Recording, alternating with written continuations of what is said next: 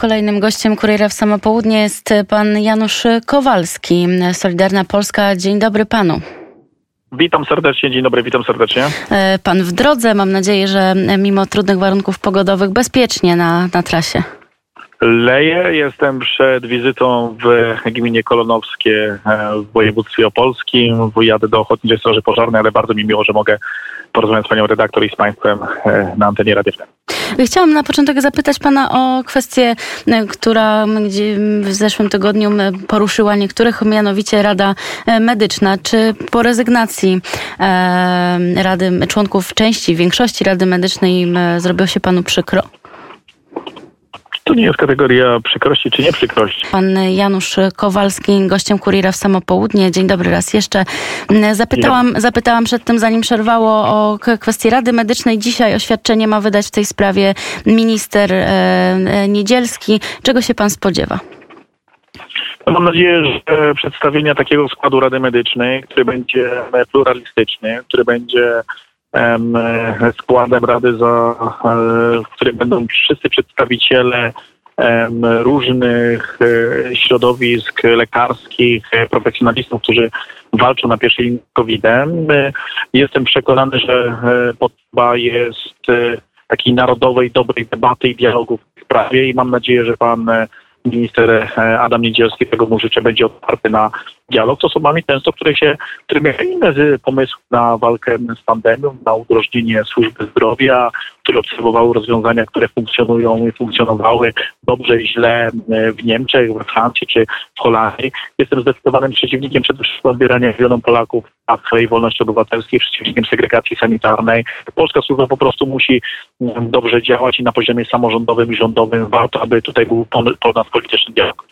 E, pojawiła się także informacja o tym, ja powiedziałam e, e, kilka słów na ten temat, kiedy oczekiwaliśmy na połączenie ponowne z panem, na temat projektu dotyczącego wolności słowa w mediach społecznościowych i w internecie. To jest ustawa, którą postulowało środowisko Solidarnej Polski.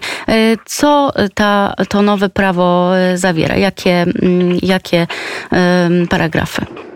Ustawę o wolności w internecie nie tylko postulował pan minister Zbigniew Ziobro, ale przygotował jego resort Ministerstwo Sprawiedliwości. Od ma ponad roku trwają e, bardzo intensywne prace nad tym projektem. Dzisiaj ten projekt jest i będzie rozstrzygany na poziomie Rady Ministrów. Chodzi o to, żeby zatrzymać ideologiczną cenzurę ze strony globalnych gigantów e, internetowych, którzy pod płaszczykiem swoich regulaminów wyłączają e, możliwość głoszenia własnych poglądów przez różne grupy, szczególnie związane z konserwatystami, narodowcami, osobami, które mają inne zdanie z tak zwany mainstream.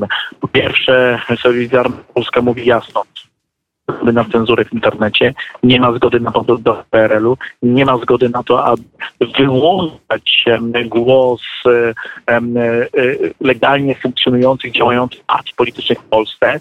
E, dzisiaj uderzenie Facebooka w Konfederację jest czymś, co trzeba jasno nazwać wpływaniem negatywnym na E, stan polskiej demokracji, e, amerykańskiego giganta. Na to nie może być absolutnie zgody i ustawa e, wolnościowa ma gwarantować to, że nigdy nie wyłączy profilu internetowych żadnej partii. W tej samej sprawie wypowiedziałbym się, gdyby to dotyczyło czy nawet posłów lewicy, z którymi w 100% się nie zgadzam, ale moje poglądy w tej sprawie nie mają żadnego znaczenia, bo jestem zwolennikiem wolności jeżeli jest grupa Polaków, która identyfikuje się z poglądami lewicowymi, to mają prawo słuchać swoich przedstawicieli i czytać w internecie. Tak samo będzie to względu Platformy, PSL-u, z którymi nie zgadzam się również w 100%, ale wolność na tym polega, że obywatele mają możliwość wyboru swoich poglądów i swoich reprezentantów. Nie ma zgody na cenzurę w internecie i mam nadzieję, że w pierwszym kwartale 2022 roku ustawa zostanie przyjęta przez polski rząd i wkrótce trafi do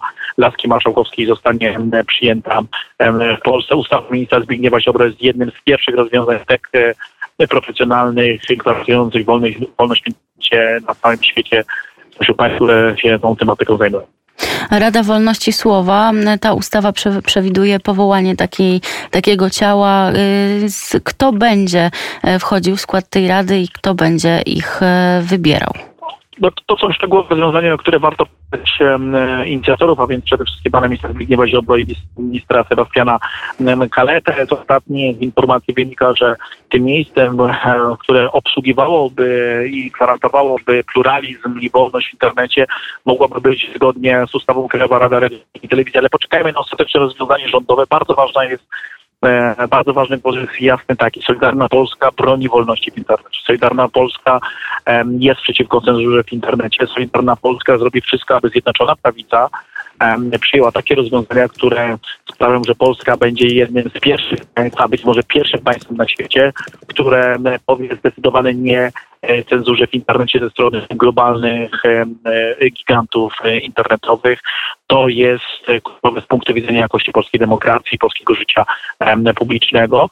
Nie może być tak, że w czasie na przykład wyborów jakieś partie ze względów ideologicznych zostaną wyłączone z możliwości głoszenia swoich, e, swoich poglądów na terenie Polski. Jeżeli ktoś chce zarabiać na terenie Polski pieniądze, a ci globalni e, giganci zarabiają gigantyczne pieniądze w Polsce, musi przestrzegać polskiego prawa. Polska jest wyspą wolności w Europie. Nie jesteśmy e, lewackimi państwami, jak na przykład nie Holandia i gwarantujemy wolność w internecie, mówi cenzurze można się spodziewać procedowania w sprawie tej ustawy?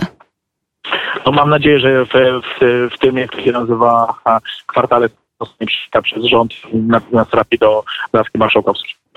E, jeszcze na koniec chciałam pana zapytać, Instytut Języka Polskiego, co, co to jest za inicjatywa?